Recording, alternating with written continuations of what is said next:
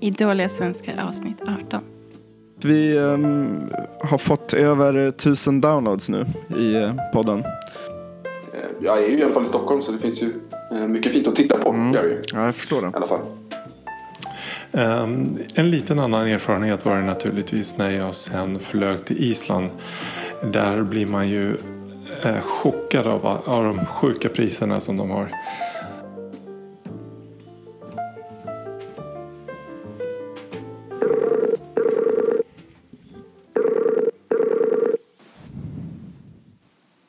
Tjena Max. Tjena. Och välkomna alla lyssnare också till ett uh, rykande färskt avsnitt av Dåliga Svenskar. Jajamensan. Som vi kör på avstånd i den här gången igen, fast med varandra den här gången. Fast bara du och jag, Max, ingen Rickard. Ja, det är bara vi två. Jag, jag sitter ju i eh, Sverige. Jag är i förorten Barkarby nu. Har tagit mig upp till min fars radhus och, och sitter här. Ingen mer Småland för din del? Det är ingen mer Småland för min del. Um, det var avklarat. Det räckte med, med, med skog och, och så. Det det. Uh, jag har även varit en sväng uh, ute i skärgården och varit på Yxland också. Ja, just det. Innan jag kom hit. Vad härligt. Du har verkligen fått din uh, klassiska Sverige-idyll då. Ja, det är klassisk svensk sommar. Mm. Uh, har regnat och sen så har det varit lite varmt och så har det regnat. Men um, det har varit trevligt. Avslappnande i alla fall. Så ni har ingen värmebölja i Sverige? Eh, nej, igår så var det lite varmt, men eh, nu så är det inte så varmt. För här är det ju men, eh, pissvarmt igen. Jo, jag, jag såg det. Ni har 34 grader. Ja, något sånt där. Så att, och här sitter jag inomhus i topless. Du sitter inomhus topless? För att det är så varmt? Ja, precis. Nej, men det är rätt skönt jo. faktiskt. Det... Blev det någon ragg då, eller? Smålandsragg? Nej, det, det blev det inte med tanke på att det var en släktträff. Ingen sån här fäbodjäntan eller något sånt där?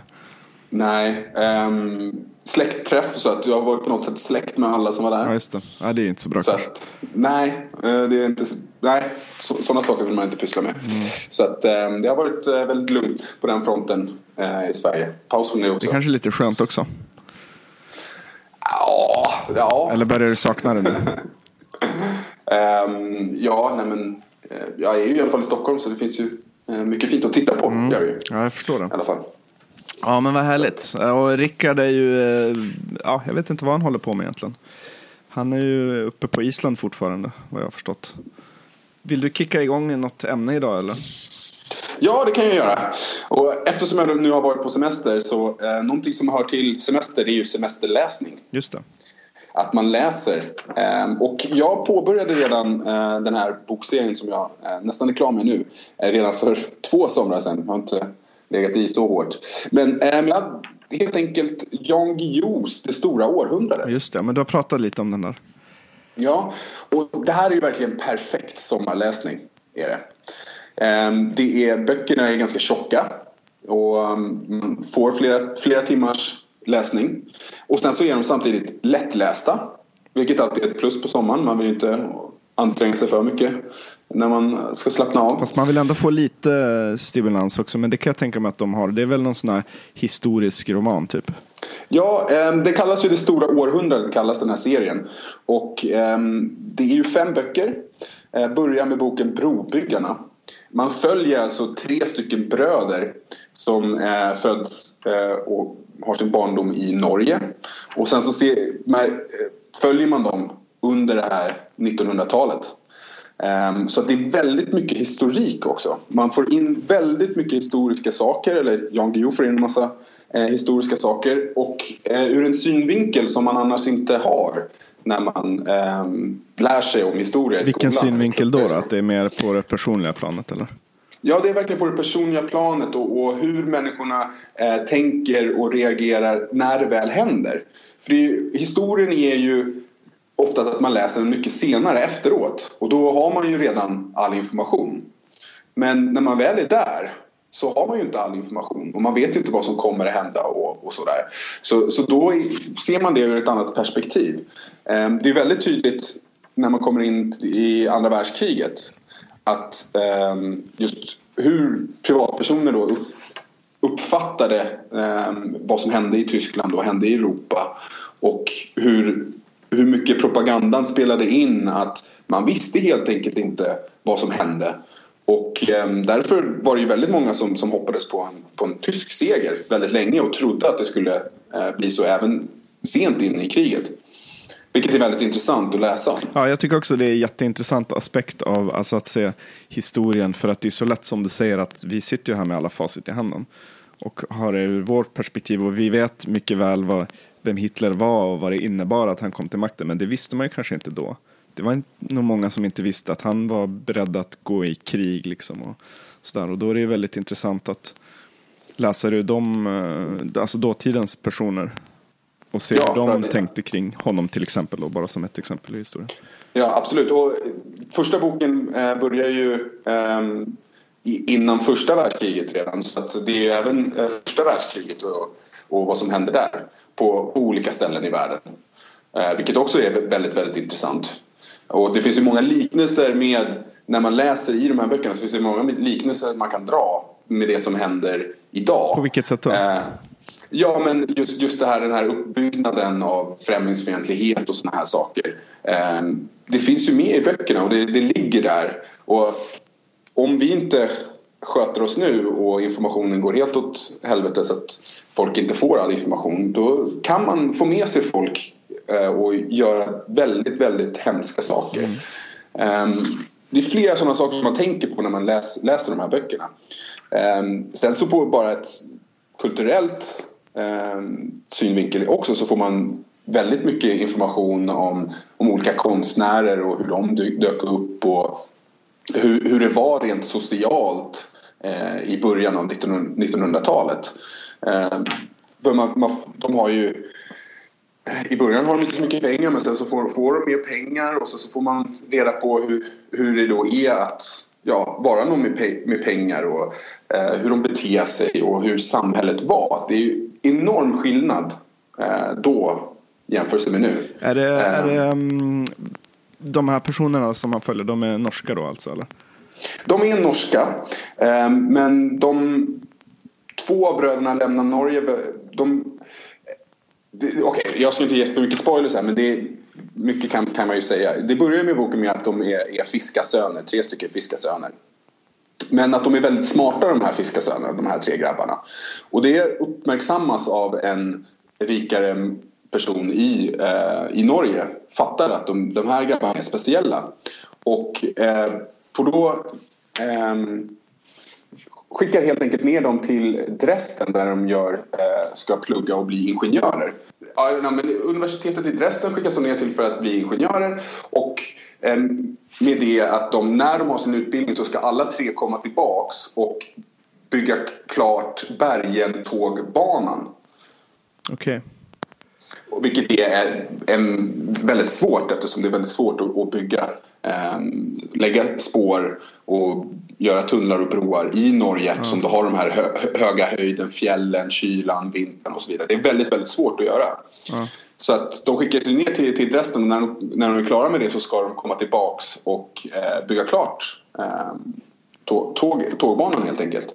Men så blir det lite ändring på det. Det är bara en som kommer tillbaks och de en tar sig till England och en eh, hamnar eh, nere i Afrika mitt i kriget. De splittras ju upp direkt Ja, eh, efter sin, sin utbildning. Och i och med att de splittras upp så får man ju då ehm, Eh, I första boken så får man berättelse vad som, som händer i Norge med, med eh, den äldste brodern som jobbar i Norge och man får även reda på vad andra eh, brodern gör nere i Afrika. Hur många böcker är Så det i det- den här eh, serien?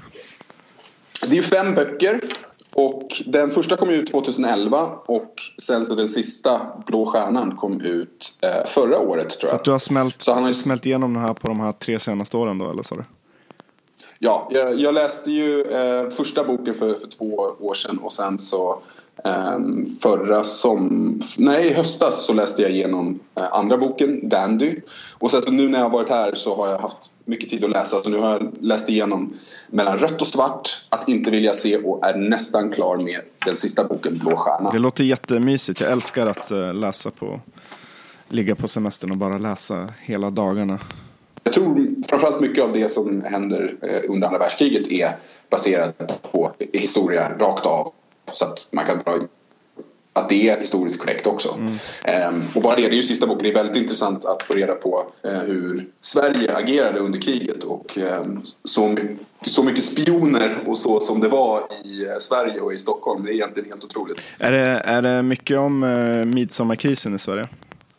Med att eh, de här skeppen blev sänkta? Nej, midsommarkrisen var när eh, det var eh, under andra världskriget när Hitler ställde ultimatum till Sverige och sa att vi vill eh, flytta våra trupper genom Sverige upp till Norge tror jag det var.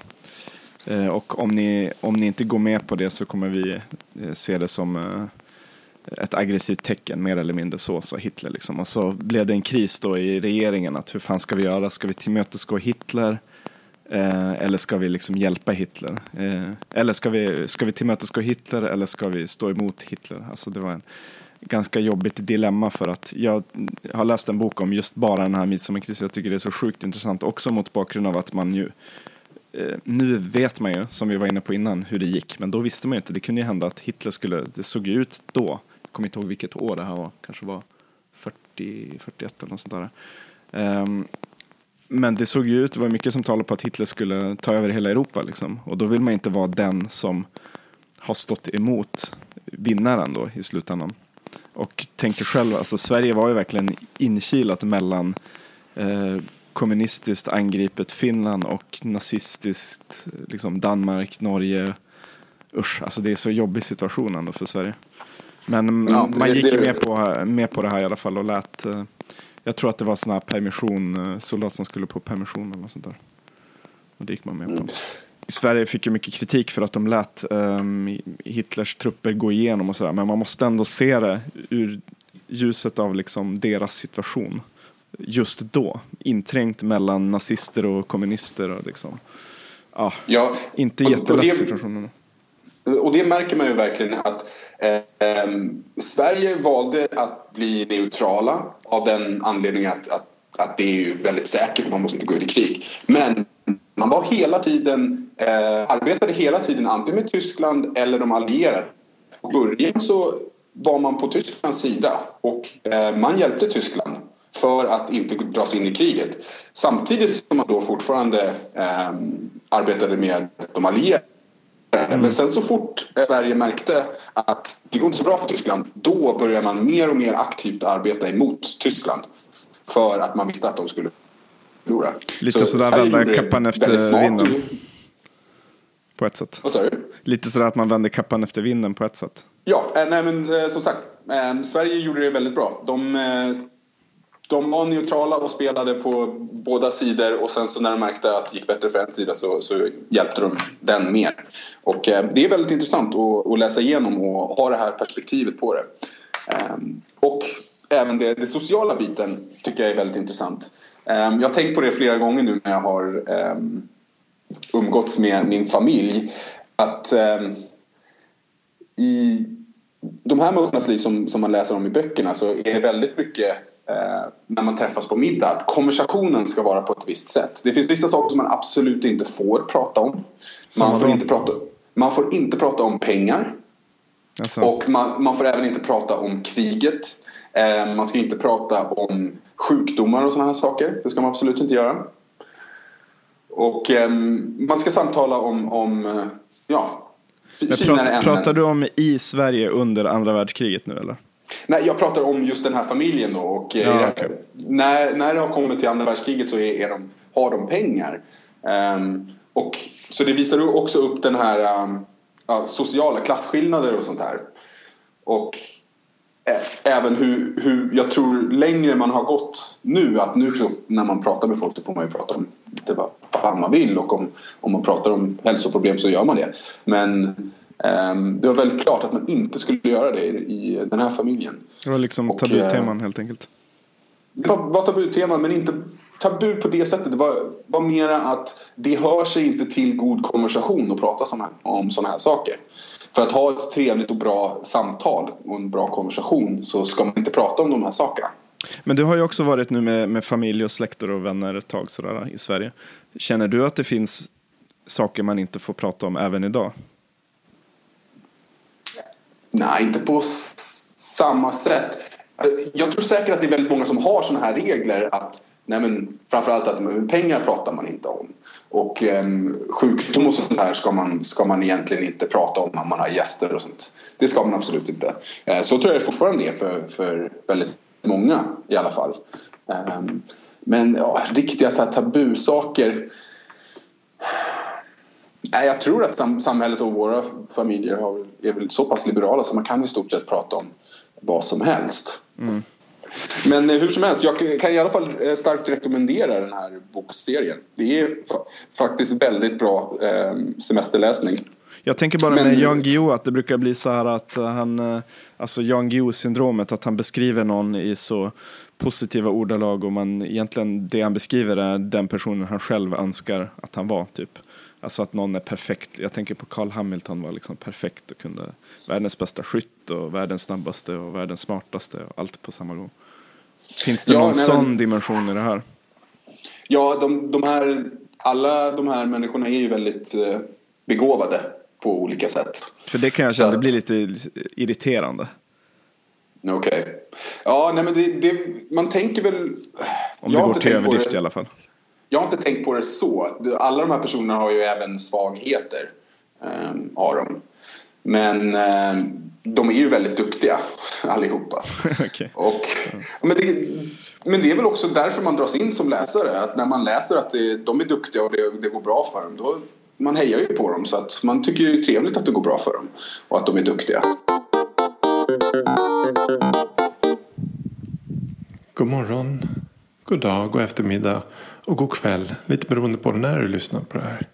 Det här är Rickards del här i podcasten. Jag har ju varit nu två, två veckor på flykt från eh, Tyskland och försökt att acklimatisera mig i Sverige. Jag försökte att acklimatisera mig på Island. Och eh, här kommer lite betraktelser från, eh, från mig. Eh, jag har varit några dagar ute i, i, i skärgården och eh, det är ju underbart fint där ute. Um, man känner ju verkligen hur själen blir uppfylld av liv och energi av att vara där ute. Och, uh, även om det, vi hade en dag med lite dåligt väder så, så känner man sig spirituellt väldigt upplyft om man ska säga så. Um, sen eh, märkte jag i Stockholm så har det, ju, har det ju blivit väldigt mycket ombyggnationer och det är väldigt mycket trafik överallt. Och, um, jag tyckte faktiskt att priserna den här gången inte kändes lika saftiga jämfört med Berlin som det har varit förut. Så jag tror faktiskt att det är så att Berlinpriserna börjar hämtas in på de svenska priserna. Ehm, en liten annan erfarenhet var det naturligtvis när jag sen flög till Island. Där blir man ju eh, chockad av, av de sjuka priserna som de har. Eh, nej, men vissa saker är, betalbara. Eh, till exempel en öl kan man väl kanske hitta för en 50-60 kronor. Eh, men eh, oftast så får man nästan dega ut lite mer om man ska ha, ha en eh, god öl. Um, maten är också ganska dyr där ute på Island. Um, vilket är också är försvar, uh, förståeligt eftersom uh, ja, det som de inte tillverkar själva uh, måste importeras och det är långa vägar att köra saker. Um, jag hade tänkt att prata lite mer om vad man kan göra på Island, och var man kan bo och vad det kostar, vad man äter och lite om det isländska språket. Och hur är islänningarna egentligen? Um, jag tänkte med att börja. Vad ska man göra på Island? Uh, jag tycker att man ska vara väldigt mycket utomhus såklart. Alltså det här är ett land där man ska vara ute i naturen. och um, Det är långa sträckor att ta sig. så att um, Även om man kanske nu bara åker till Reykjavik till att börja med så skulle jag nästan eh, föreslå att man har en hyrbil som man ändå kan ta sig från Reykjavik och så kan man ju um, antingen bara ta lite dagsturer från Reykjavik och um, ja, det är lite, ganska soft och lugnt med familj och så kan man ta med sig lite picknick och Um, och ja, ser ganska mycket av öns topologi och, och um, geografi. Så att, um, det skulle jag gärna uh, tipsa om. Och vad annars kan man göra där? Jo, man ska ut och bada. Islänningarna är galna i att bada. Man ska Ehm, bada i deras varma källor. Det finns simhallar överallt. Det tillhör den isländska kulturen att man ska bada i badhus varje dag. Nästan. Nej, men det är, det är ganska billigt att gå och bada.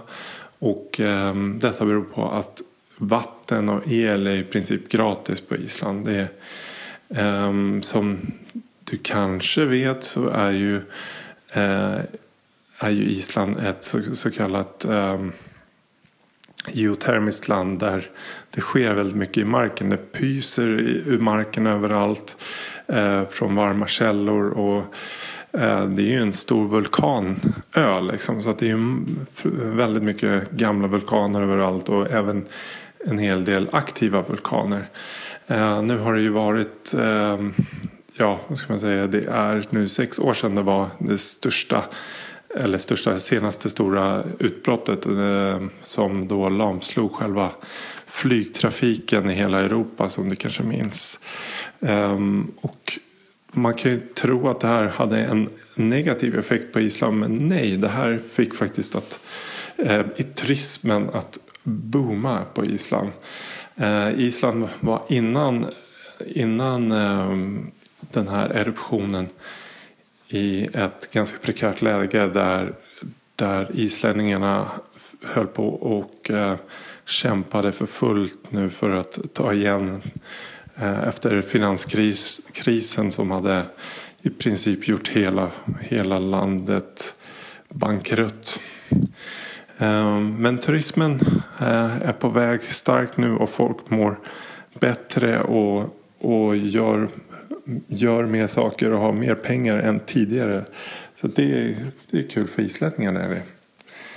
Um, var ska man bo på Island då kan man tänka sig? Ja, som jag sa, alltså, jag tycker Reykjavik är ett ganska bra ställe att börja med. Men man kan ju även åka till norra delen av ön, um, östra delen av ön. Det beror lite på vad man ska göra. Men jag kan väl förvarna om, om man inte är någon liksom renut, renodlad backpacker eller naturmänniska som tycker om att tälta ut i naturen så är det lätt att man får lappsjuka om man åker till de mindre byarna eller städerna.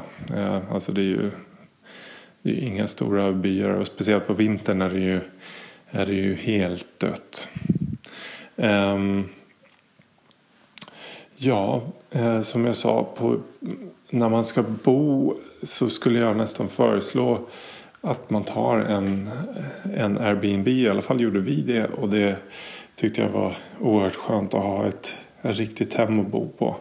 Eller bo i. Um, det är ju alltid en smaksak om man vill vara på hotell. Det är skönt med service och allting. Och, uh, så, men det, då kostar det.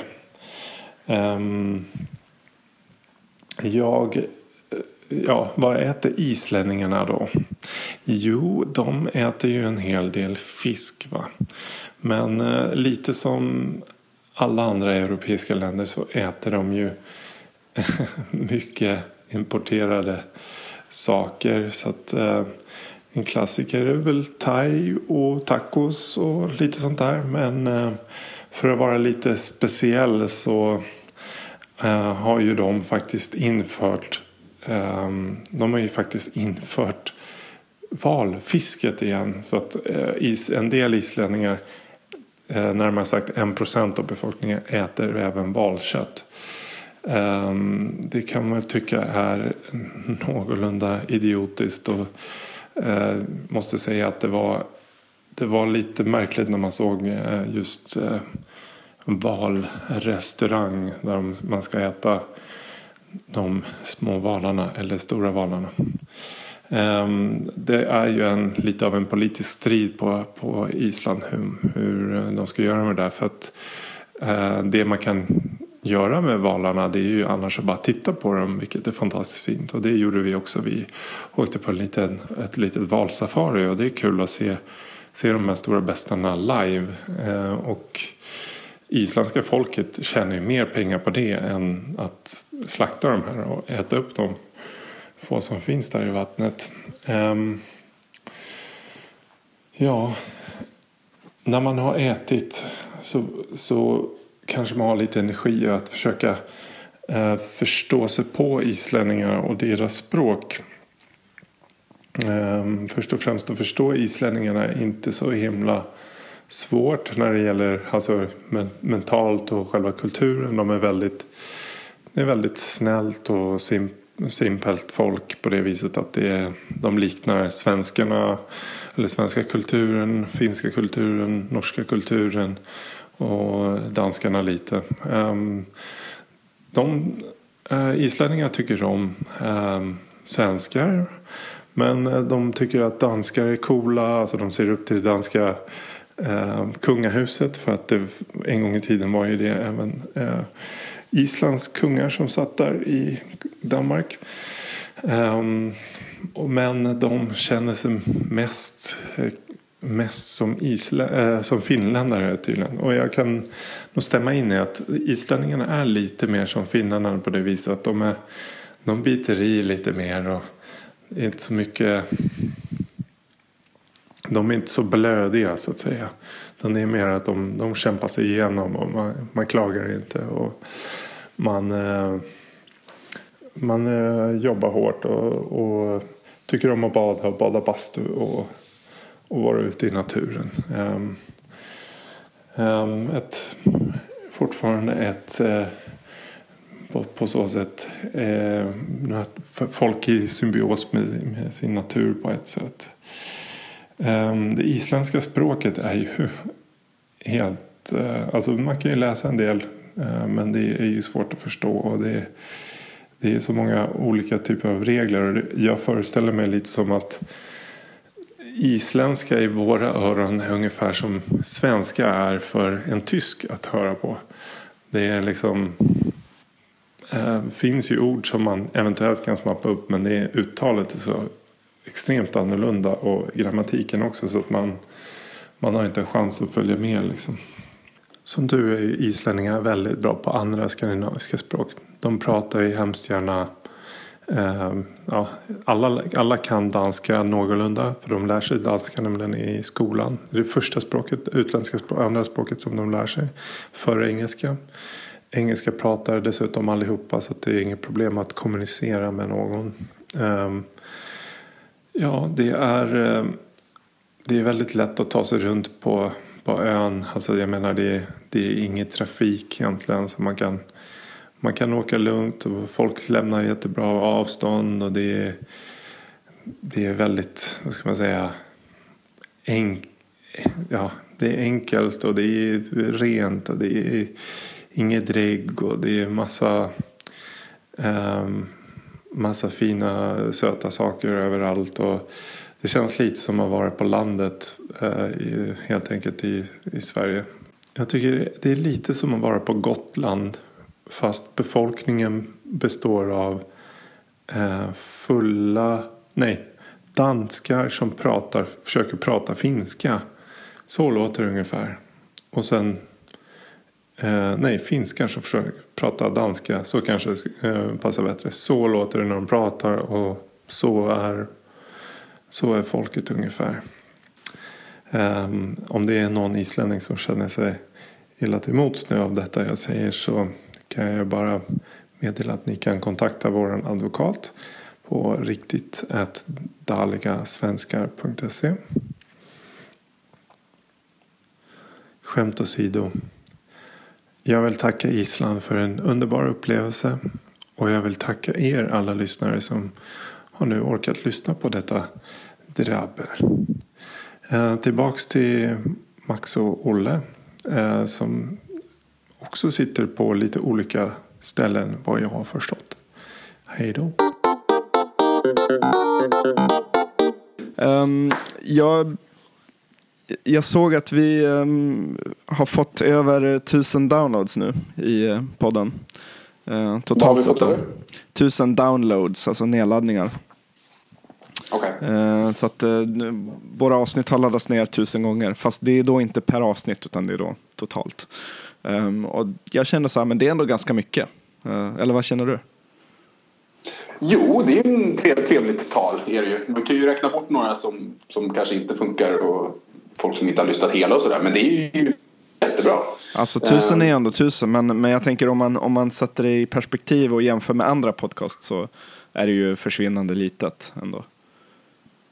Ja, alltså, jag vet inte vad, hur mycket ja, lyssnare har de andra pods? Jag vet podsen? inte riktigt eh, vad man kan väntas, förvänta sig uppnå på några månader. Så men de stora podcasterna har ju flera hundratusen i månaden. Och vi har ju tusen totalt. Fast det är bara downloads i och för sig. Jag vet inte om de räknar in iTunes och sådär också. Men, men jag bara, det jag tänkte prata om är att, att um, om man ser någonting eller om man är med om någonting och så blir man glad över det. Så kan ja. den här gläd, glädjen ändå dras ner av att man börjar jämföra sig med andra. Alltså ja. till exempel då att um, ja, men om man jämför med massa andra, kanske alla andra podcast, så har vi väldigt få lyssnare. Och det är ju lite märkligt egentligen för att det tar ju inte bort det antalet nedladdningar vi har fått, eller hur? Nej, det gör det inte. Uh, och jag börjar tänka lite så här varför man uh, jämför sig så mycket med andra. Varför, varför allting som man uppnår, varför ska man ställa det i relation till andra hela tiden? Har du något svar på det? Alltså, det är klart att vi gör det. Och um, jag tror att det är faktiskt väldigt viktigt att vi gör det. För om ingen skulle jämföra sig med, med någon annan då skulle det nog bli så att allt bara stannar som det är. Det är ingen som skulle göra något nytt eller förändra någonting. Och ja, nej, men de är som de är, jag är som jag är. Och um, jag kan inte förbättra mig. Eller varför ska jag förbättra Det spelar ingen roll. Jag tror att det kan vara en drivkraft för väldigt många att eh, förbättra sig eller göra någonting på ett annorlunda sätt. Mm. Men, um, men är, det, är det, du menar alltså att exempelvis om vi ska eh, stanna kvar vid podcast, eh, antalet lyssnare som exempel. Att om vi var den första podcast, om vi hade kommit på konceptet podcast så kanske det skulle kännas som att tusen nedladdning, det är liksom astronomiskt, det är jättemycket. Och då skulle man inte kämpa mer för att få fler lyssnare för att man redan skulle vara nöjd. Medan nu när vi kan jämföra oss med andra podcast som har hundratusentals lyssnare så fortsätter man. Är det lite det du menar eller? Ja, det är, det är till exempel. Eh, så är det, en sak. det här måste ju vara någonting som är inom oss eh, väldigt starkt. Att eh, ja, att det rent biologiskt egentligen borde finnas inom oss. Att, eh, som en del av, av mänsklighetens just där drivkrafterna, den här girigheten och att alltid vilja vara bättre än andra. Att det, det får oss att eh, pusha på mer, att försöka bli bättre. Eh, ja, jag vet inte, vi är ju så e-, egoistiska att vi vill ju vara bättre än andra människor. Vi vill ju kunna säga att vi är bättre. Det är liksom inom oss av något slag. Nej men um, Freakonomics podcast, en av mina favoritpoddar då efter eh, Dåliga svenskar. De hade ett helt avsnitt som handlar om eh, just rekord i olika sporter och sådär. Där de menar på att om det finns ett rekord så istället för att försöka bli liksom så bra som det bara går att bli så stirrar man sig lite blind lätt på just att slå det här rekordet bara. Okej. Okay. Ehm, och som exempel tog de då eh, i fjärde, fjärde juli i USA, alltså nationaldagen, så har de sån här varmkorvätartävling. Ehm, och då, ehm, där det handlar om att pressa ner så många varmkorvar på så kort tid som möjligt. Och då var rekordet 2000. Fram till 2000 så, så var världsrekordet 25 stycken varmkorvar. Och det hade alltid legat kring 10, 15, 20 sådär. Och sen så kom en japan och bara smällde på med 50 korvar på 12 minuter. Det tidigare rekordet var 25 då, så att han dubblade. Och det var liksom så här, han tänkte utanför boxen. Han stirrade sig inte blind bara, jag ska slå 25. Han bara, jag ska uppfinna en ny teknik och bara köra på hur många varmkorvar som helst. Och nu så äh, finns det folk som har ätit över 70 äh, på 10 minuter. Så att man kan verkligen vara mer banbrytande på det sättet. Så att, ja, det tycker jag är intressant att man ofta, alltså det är lite det du var inne på också, att med podcast att man kanske um, blir mer motiverad om man har andra som har många fler lyssnare än vad man hade varit om vi hade haft världsrekordet i tusen downloads. Liksom. Ja, nej, men det, det, det, det, tror jag faktiskt. Ehm, men jag tror att vi tittar ju på varandra hela tiden och att det är, det är en del av oss. Det är det verkligen. Um, och det, det exempel som du tar upp, det är ju verkligen så. Han kom på en ny teknik för att bli bättre än de andra. Mm. Han la ner energi på att komma på någonting bättre. Och det skulle han ju inte ha gjort om det inte fanns någon tävling överhuvudtaget. Nej, visst. Men, eh, men det han gjorde var ju just att han egentligen inte jämförde sig med andra. För om man jämför sig så mycket med andra så, så hade han ju sagt men 25, det är det jag ska slå. Nu var det bara, jag ska bara trycka ner så många eh, hotdogs som det är fysiskt möjligt att få ner i min kropp under så kort tid som möjligt. Ja. Ja, jo, det är ju sant att man, man kanske... Jo, man, man, lägger, man, man lägger sig på andras nivå. Det ja, men man, man, man ser en ribba och där vill man lägga Det tycker jag är intressant om man kollar på typ så här. Eh, alltså hur mycket rikedom man har och man känner sig lyckad som människa. Det är ju egentligen, okej okay, det kanske har lite att göra med i absoluta termer hur mycket, ja, om man ska snacka ren materiell eh, rikedom bara så kanske det är en del i absolut liksom, ja, men, har man mat på bordet så. Men väldigt, väldigt mycket handlar ju ändå bara om hur mycket saker och pengar har du jämfört med alla andra i samhället? För om man ska kolla på rent historiskt så har ju um, fattiga personer i i-länder har ju egentligen mer eh, högre materiell rikedom än vad medeltidens kungar hade i princip. Ja.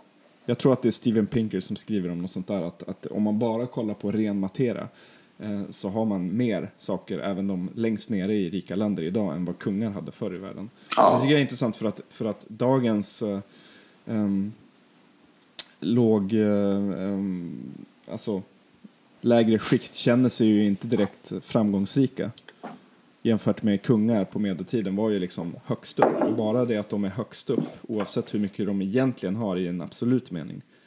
Det tycker jag är lite intressant att man verkligen att man mäter sig med andra så mycket. Att det är det som gör är det viktigaste för om man ska känna sig lyckad eller inte. Ja.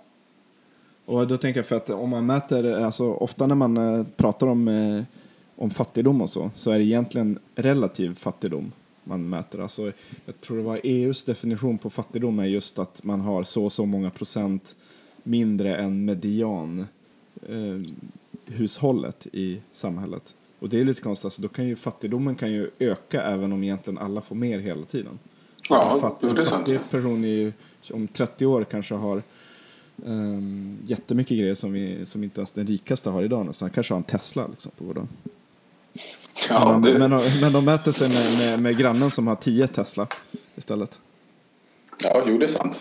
Så att, oh. jag, jag tänkte bara fråga dig, har du någon sån här personlig historia från ditt liv när du har känt att, ja men, ja, låt oss säga att du fick ett uh, VG på ett prov och så bara, ah, fy fan vad glad jag blev liksom. Och sen så frågar du din bästa kompis, bara, men jag fick MVG och då helt plötsligt så känner du dig dålig liksom, eller något liknande.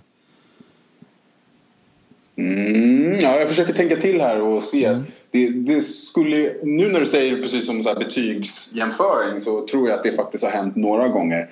Att man, jag jämförde mig väldigt mycket med en kompis som också gick i min klass eh, under skoltiden. Och då var det så att ja, men i det här ämnet så är jag ju bra och så, då får jag MVG men han fick MVG med ett plus i kanten. så han var ändå bättre där också. Ja, men, ja, men det är det eh, jag tycker betyg det ställer sig på sin spets lite för att det är svart på vitt liksom. Hur bra är du typ? Eh, ja. Och då jag, alltså, det är så mänskligt att, att känna sig glad över någonting och sen helt plötsligt så blir man ledsen bara för att någon annan Alltså det kan till och med vara att ah, man får MVG och så visar det sig att halva klassen fick MVG. Då bara jaha, då var jag inte så speciell ändå som jag trodde att det skulle vara. Mm. Och, kommer, ja, vad sa du? Nej, nej men i, just en sån situation, ofta så är det ju att om man säger så här, ja, jag har gjort det här. Så, så någon annan i gruppen vill då toppa det och säger att de har gjort något liknande fast ännu bättre. Mm. Och jag kommer bara tänka på att um, det finns ju en, en sån här skriven uh, bro-code. Att polare uh, mellan varandra. Om det är så att du är ute med dina bros, med dina polare. Så ska du aldrig toppa en historia som en bro uh, säger. Så att om, om du och jag är, är på fest eller om vi är med några andra människor och du berättar om den stora gäddan som du fick. Då, då får jag aldrig berätta om den mycket större gäddan som jag har fått. Aldrig någonsin? Alltså inte i det här, jag får inte göra det när det här händer. Jag får inte toppa din berättelse på den här platsen. Mm. Senare någon annan gång så får jag självklart dra min egen berättelse. Men jag får inte toppa dig i det här, i det här sällskapet. får inte jag toppa dig. För då ser ju du sämre ut och jag ser ju även ut som en skrytmåns. Men känner du igen det här sociala sammanhanget då? Att, att vissa människor försöker snacka ner sig hela tiden och göra någon slags tvärtom-topping. Att typ, ah, jag har ju aldrig fått en, jag har ju inte ens fått en minifisk även om jag har försökt jättemycket. Och du vet att de liksom hackar ner på sig själva. Känner du igen eh, folk som gör så då? Det känner jag faktiskt inte igen på det sättet. Men att vara, vara värst är också så här, ja, nej, men jag hade det svårt när jag var liten. Så ska ju någon annan då toppa med att men jag hade det ännu svårare. Jo, okej. Okay. men, men på ett sätt så är det ju nästan... Det är ju samma sak. Det är ju så största fisken ändå. Ja, jo, men det är lite så för att då, är det liksom, då blir man ett maskrosbarn. Bara, jag hade ju så sjukt svårt, men kolla, jag är ändå lycklig idag, typ. Men det jag menar, det är mer att liksom, om man snackar om gädda eller om man snackar om raggning så kanske bara så, ja, jag, jag, jag är ju så jävla sämst på raggning. Och det kanske är lite så att man vill höra då en annan slags fiske, berömfiske. Liksom. Ja, men du, du är bra, du, du är snygg och så vidare. Men jag bara kom att tänka på det bara nu så här rent spontant. Att det finns vissa som tycker jag håller på med sån här antitoppning på något sätt och hela tiden ska berätta hur dåliga de är på allting. Mm. Och det, det, det, det, får ju en att känna lite sympati för den personen kan man känna. Ja, kanske det. Jag kommer faktiskt inte ihåg så många tillfällen som det har hänt. Att någon direkt på det sättet har gjort det. Ehm, jag använder enbart sådana saker när, när ett ämne kommer upp i en konversation och jag kan inte, jag, jag är inte med på det här alls. Då Fast säger man du, du brukar ju ändå hålla på eh, lite sådär tycker jag med mig, typ så att ja, men du kommer ju bli eh, statsminister och jag jobbar ju bara på klädaffären och sånt där. Det är lite så negativt. negativt ja.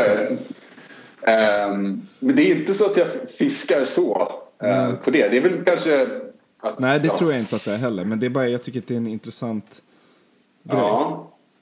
Men ja, jag vet inte. Ja. Det är kanske inte så seriöst menat heller. Men, ja, jag. Nej, det är inte så jätte, jätteseriöst menat. Det är väl lite för att jag...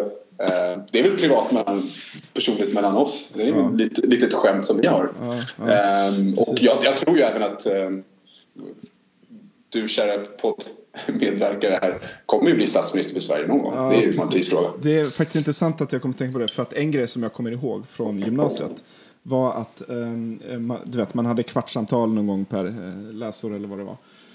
Och så satt jag där med, med min mamma eller pappa och min uh, klassföreståndare och så säger han så här att ja, um, i framtiden när Olle är statsminister så kommer ju hans alla journalister eh, kolla vad han fick för betyg för att det är ju offentlig handling och sådär. Och det är ju inga problem för Olle för han har väldigt fina betyg. Och så kommer jag ihåg, ja det tyckte liksom mamma och pappa var jättekul och det tyckte jag också var härligt att höra. Sådär. Eh, så var jag lite glad över det, men sen när jag kom till skolan så fick jag höra att det hade han ju sagt till massa andra också, exakt samma sak.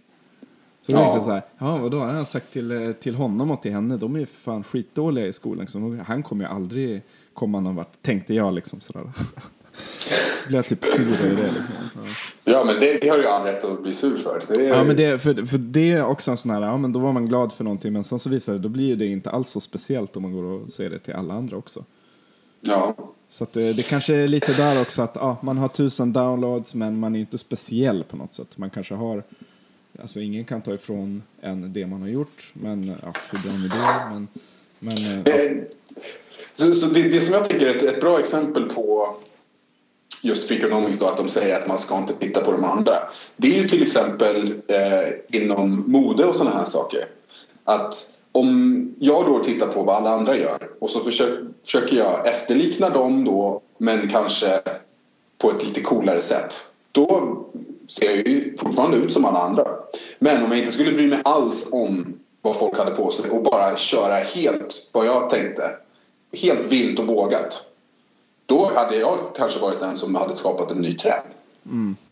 Eller ja, samtidigt det, också det... kunna blivit den som blivit utskattad. Men ändå, att um, det är ju ändå den typen av människor som, som sätter igång någonting nytt. Mm. Ja, det är ju intressant just det här att, att se, då är vi inne lite igen på det här att man ser saker i backspegeln med facit i hand. Det är liksom, om du lyssnar på Black Sabbaths första album idag så kommer du tänka så här, ah, eh, det, man kanske tycker det är bra och så vidare men man kommer kanske inte tycka att ah, det är väl inget speciellt så egentligen. Men ja. när det kom ut 1970 tror jag det var, eller 69, då var det liksom, alltså folk hade inte hört gitarr med dist förut.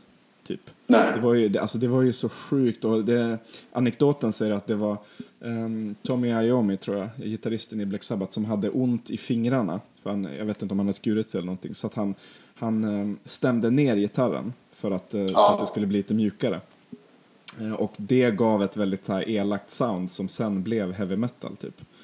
Uh, och det är liksom så här, ah, även när, när Beatles kom ut så, de var jättekontroversiella och sjöng om kärlek och sådana där saker och folk tyck, rodnade när de hörde det där. Men idag när man hör det är det liksom, det är ju ingenting. Men just det där att vara den första, det är det det handlar om. Att, att skita i andra och liksom köra sin grej. Det är ju, ja, det är så svårt att förstå hur det kan vara imponerande. Ibland så känner jag också i universitetet när man läser om uh, olika kanske ekonomiska idéer. Alltså bara, ah, det här fick den här personen Nobelpriset för. Och då tänker jag så här, det är egentligen den självklaraste saken i världen. Men jag har ju läst om det så mycket kanske och liksom, det har blivit självklart på något sätt. Och det, det, det har man ju hört också folk som pratar om att ja, det här med att uppfinna hjulet, det var ju inte så svårt egentligen. Liksom. Men folk har ju ändå levt i tusentals år eh, utan ett hjul. Så att, att vara den som kommer på hjulet är ju, ja, ja kanske, det är ju verkligen. Så att, ja. Nej. Nej, det, är, det är svårt det där. Antingen så, så, så, jag tror att det finns fördelar med att titta på andra för att man vet vad som händer och man kanske mm. pushar sig själv. Men samtidigt, eh, efter ett tag så kanske man ska strunta i att titta på andra och, och det man har lärt sig från tidigare ska man helt enkelt bara köra rakt på och har man tur då så funkar det och så kanske man är den som uppfinner ett nytt hjul. Mm, så kanske det. Så att ja, vi har ju hamnat i eh, lite snårigt, snåriga, eh, konstiga ämnen och sådär men det är väl det som vår podcast går ut på lite grann också. Um, att uh, inte vara precis som alla andra. att, uh, ja. Um, jag tror vi, vi kör ju ett lite kortare avsnitt idag också, men nästa avsnitt hoppas vi att vi ska kunna spela in med Rickard um, här i Berlin. Mm. Ja, vi får hoppas att han, han kommer tillbaka till Berlin och jag kommer ju snart tillbaka till Berlin. Så att... Ja, det ska bli väldigt Borde ju gå, tycker man. Då får vi ses och ta en bira och kanske spela in ett till avsnitt. Det, det tycker jag att vi ska göra, eller hur? Mm. Precis. Uh, så att, uh, ja, har du något mer att tillägga eller? Um, nej, om det är någon som känner för att komma in med ett ämne eller något som de tycker att vi ska prata mer om så kan de ju eh, kontakta oss på Ja, då kan de kontakta oss på, vad har vi för Riktigt snabela därligasvenskar.se Exakt. Um, ni kan även bara kommentera i kommentarsfältet på därligasvenskar.se Ja, vi läser alla kommentarer. Alla ja, kommentarer det och om det är så att ni tycker om podcasten så skulle vi bli jättetacksamma om ni ratear oss på iTunes. För att det hjälper faktiskt uh, en podcast att komma lite högre upp. Och just nu så är det så få som har ratat att de inte kan, det står så här på iTunes att ah, det är för få ratings för att kunna räkna ut ett genomsnitt. så att gå in och, och, ge oss fem eller fyra eller tre stjärnor. Ja. Vad ni nu känner för. Vad ni nu känner för. Ehm, så blir vi väldigt glada. Ehm, så fortsätter vi att tugga på. Nästa avsnitt blir väl avsnitt 19. Så då har vi snart uh, gjort en femtedels uh, hundra. ja, exakt. Sätta upp lite delmål här för oss. Precis, ja, delmål ska man ha. Så att, ja, ni får ta hand om er allihopa, så hörs vi. Mm, vi tycker om er, ha det bra. Ja. Kolla in oss på därligasvenskar.se och spamma oss på riktigt Puss!